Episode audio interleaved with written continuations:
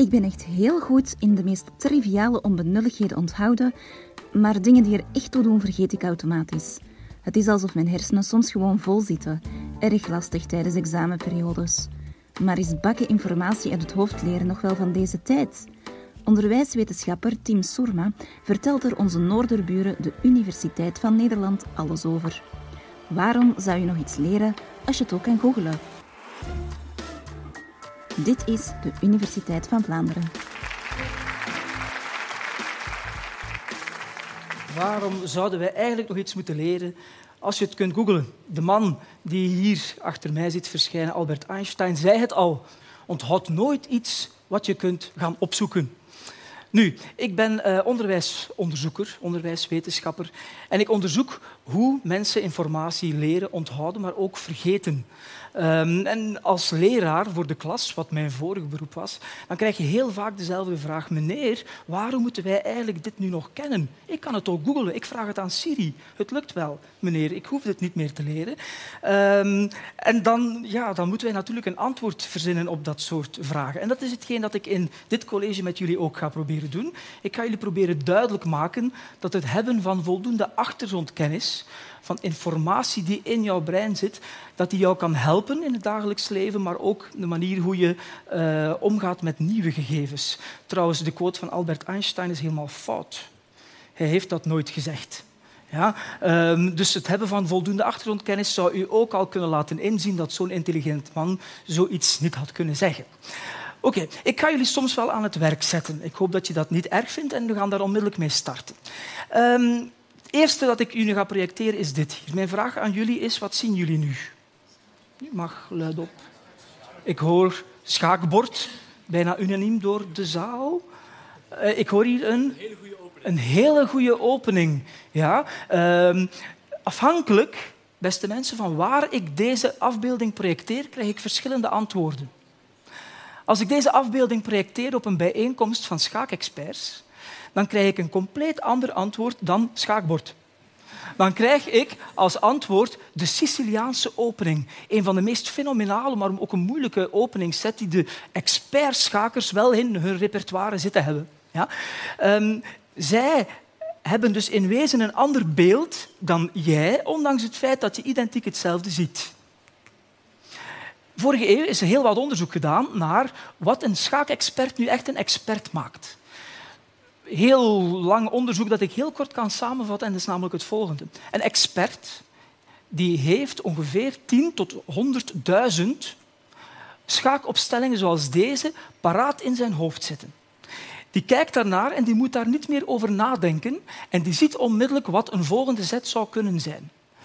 Dat is al een eerste belangrijk gegeven dat ik, wil, dat ik jullie wil laten inzien, um, dat het hebben van achtergrondkennis ook uw perceptie van de omgeving helemaal kan laten veranderen. Een tweede oefening. Uh, ik heb u ook nooit beloofd dat het makkelijk zou zijn, dus deze oefening is misschien een beetje moeilijker. Ik ga jullie een cijferreeks laten zien straks. En die cijferreeks die gaan jullie memoriseren. Je krijgt daarvoor een 10, 15 tal seconden. Het moet stil zijn. Start.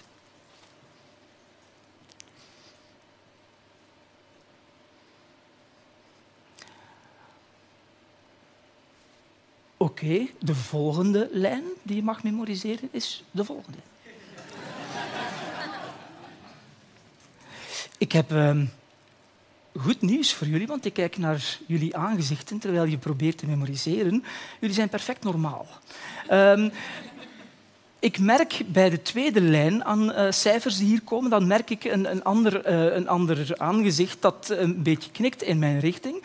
En dat komt omdat nu je brein je te hulp geschoten is. Je ziet op dit moment een nieuwe reeks van twaalf cijfers, die eigenlijk niet meer bestaat uit de twaalf cijfers, maar plots komt er iets in jouw geheugen binnen dat te maken heeft met Duitsers, met water en met nu. Ja? Dus die lijn, die tweede lijn, die ga je ten eerste veel sneller begrijpen. Je gaat die dus ook sneller uh, herkennen, sneller onthouden. Je verbindt die, je associeert die met iets dat je blijkbaar al weet. En daardoor zal je het sneller leren en ook langer gaan onthouden. Ja? Dus um, het is wel belangrijk om op basis van deze twee voorbeelden nu even een beetje dieper te graven in hoe ons leren nu echt werkt. En dan ga je ook snappen waarom die voorbeelden nu dit effect hadden met jullie. En die kunnen ook een effect hebben in de klas wanneer je mensen iets gaat aanleren.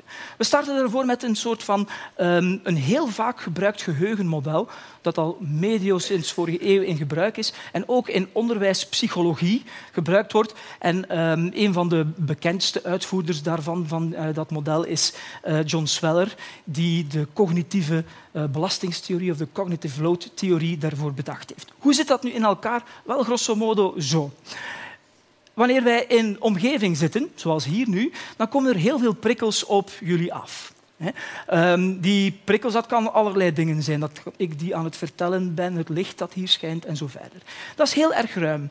Um, en je bevat niet elke prikkel die je binnenkrijgt. Je let op sommige dingen ook niet, want er is een soort van aandachtsfilter die ervoor zorgt dat sommige filters of sommige prikkels in jullie werkgeheugen geraakt. En dat is de eerste fase um, van opslag, van het krijgen van informatie. Daar zie je nu in deze afbeelding een viertal losse elementen die in je werkgeheugen zitten.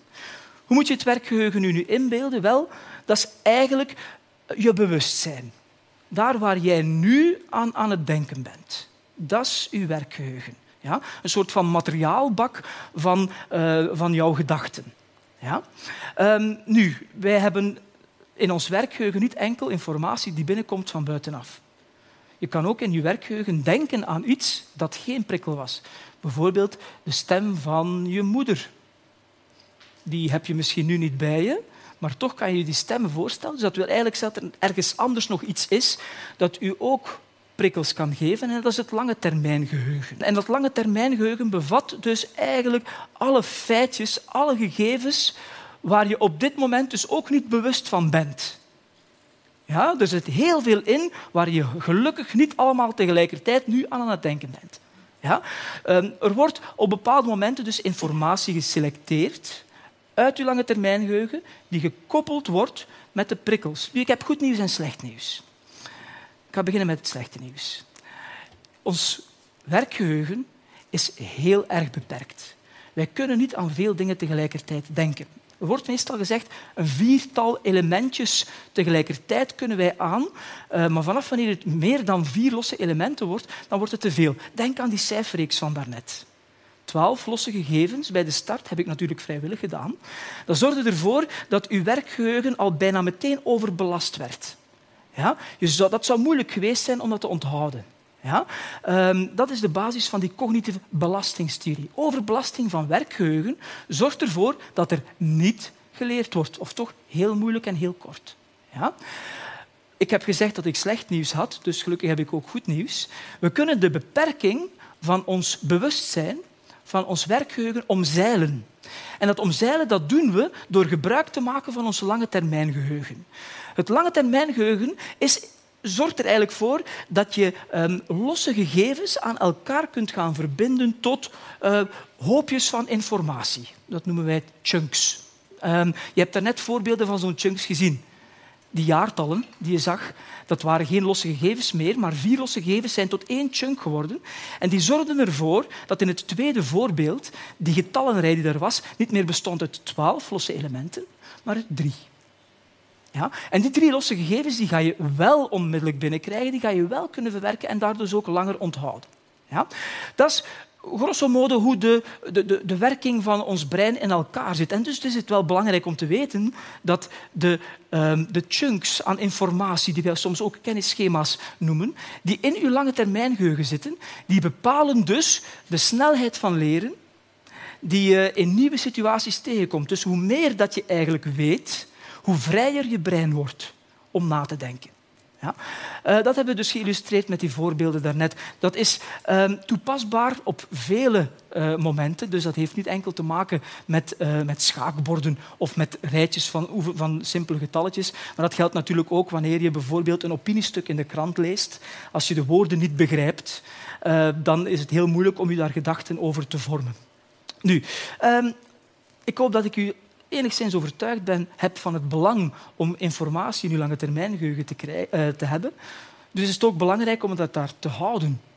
Ehm, vandaar dat het, ehm, dat het onderzoek wat wij doen, dat focust zich op echte leerstrategieën, hoe mensen leren. En vreemd genoeg is het vergeten daar een belangrijk onderdeel van. Je krijgt van mij nu een grafiek te zien, een sterk vereenvoudigde grafiek, die aantoont dat wij allemaal, vanaf het moment dat we iets weten, aan 100% zitten, vanaf dan start het vergeetproces. Automatisch. Bij iedereen zo. Ja? Ehm, maar het is net dankzij dat vergeten dat we in staat zijn om later trager te gaan vergeten. Want wat kan er gebeuren? We gaan bijvoorbeeld een herhalingsmoment invoeren. Je ziet dat nu verschijnen. Een herhalingsmoment gaat ten eerste veel sneller u terug naar die 100% brengen. En vanaf dan start je natuurlijk opnieuw met vergeten, maar het vergeten gaat trager. En vanaf wanneer je dat drie of vier keer gedaan hebt, dat herhalen, vanaf dan zal het vergeetproces dus ruim trager gaan en ervoor zorgen dat je dus langer informatie onthoudt. Nu, dat is het eerste. Dat is een heel oud effect. Het spacing-effect, 1885 al bekend. Uh, in de geheugenpsychologie, door herhaling onthouden wij langer. Ja? Een tweede heel belangrijke, waar ik u wil laten stilstaan, is het volgende. Wat doe je dan eigenlijk tijdens zo'n herhalingsmoment? Ga je dan gewoon die informatie terug erbij nemen en die lezen? Of ga je het volgende doen? Een vraagje aan jullie is het volgende nu. Uh, ik, ik, ik, stel een vraag over iets dat ik een paar minuten geleden verteld heb. Uh, wat is de naam van de wetenschapper die de cognitieve belastingstheorie heeft bedacht? John Sweller. Mag ik eens even in alle eerlijkheid vragen wie dat nog wist?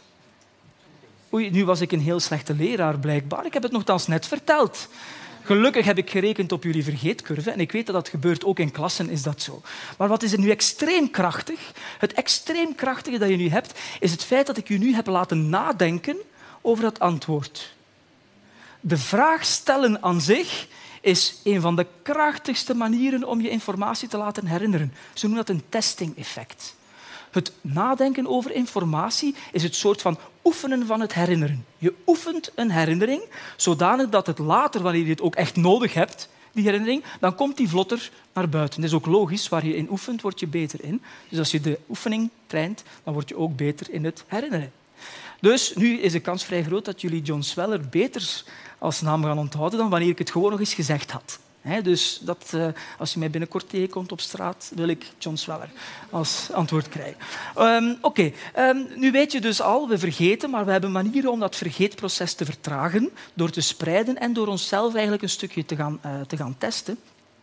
Uh, maar ik wil nog een, een, een voorbeeld tonen hoe in dagdagelijkse praktijk in de maatschappij ook het weten van iets ons echt kan helpen. Um, het gaat in dit geval over een uh, Amerikaans onderzoek dat peilt naar uh, welke keuzes mensen maken wanneer ze een verzekeringspolis moeten afsluiten. Dat is een belangrijk gegeven.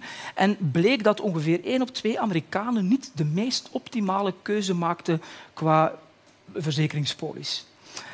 Onderzoekers gingen erachteraan, um, onderzoekers van Carnegie Mellon, en die lieten een heleboel, 20.000 mensen willekeurig in drie categorieën op een website kiezen wat volgens hen de meest optimale verzekeringspolis was. Wat deden ze? De ene groep die kreeg een website die extreem vereenvoudigd was qua layout. Dus het was echt super eenvoudig om te lezen. Um, een tweede groep werd um, naar een website geleid waar veel meer opties ter beschikking waren, zodanig dat je zou kunnen vermoeden dat mensen um, uh, een meer gedetailleerde poging zouden wagen om de ideale polis te kiezen.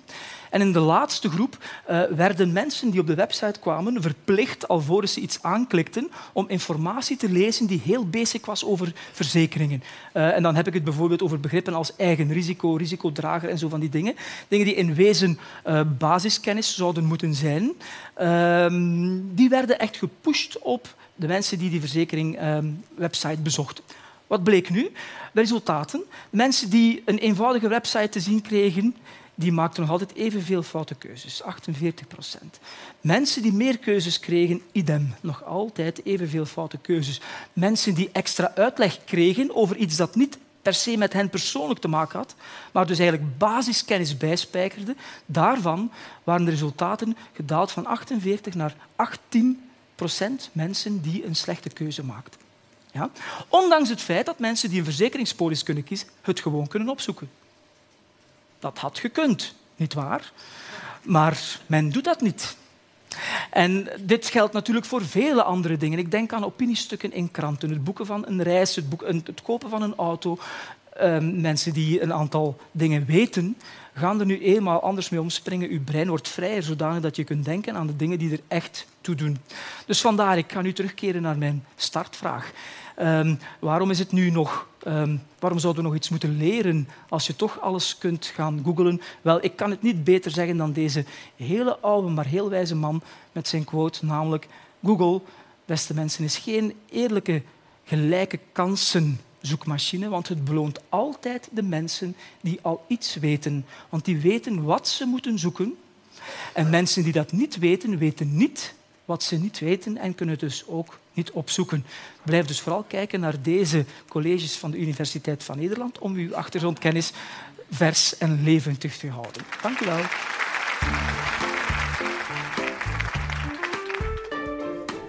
Meer weten over hersenen en geheugen? Beluister dan zeker podcast nummer 148. Waarom herinneren mensen met dementie zich enkel hun jeugd? Van neurobioloog Sebastiaan Engelborgs.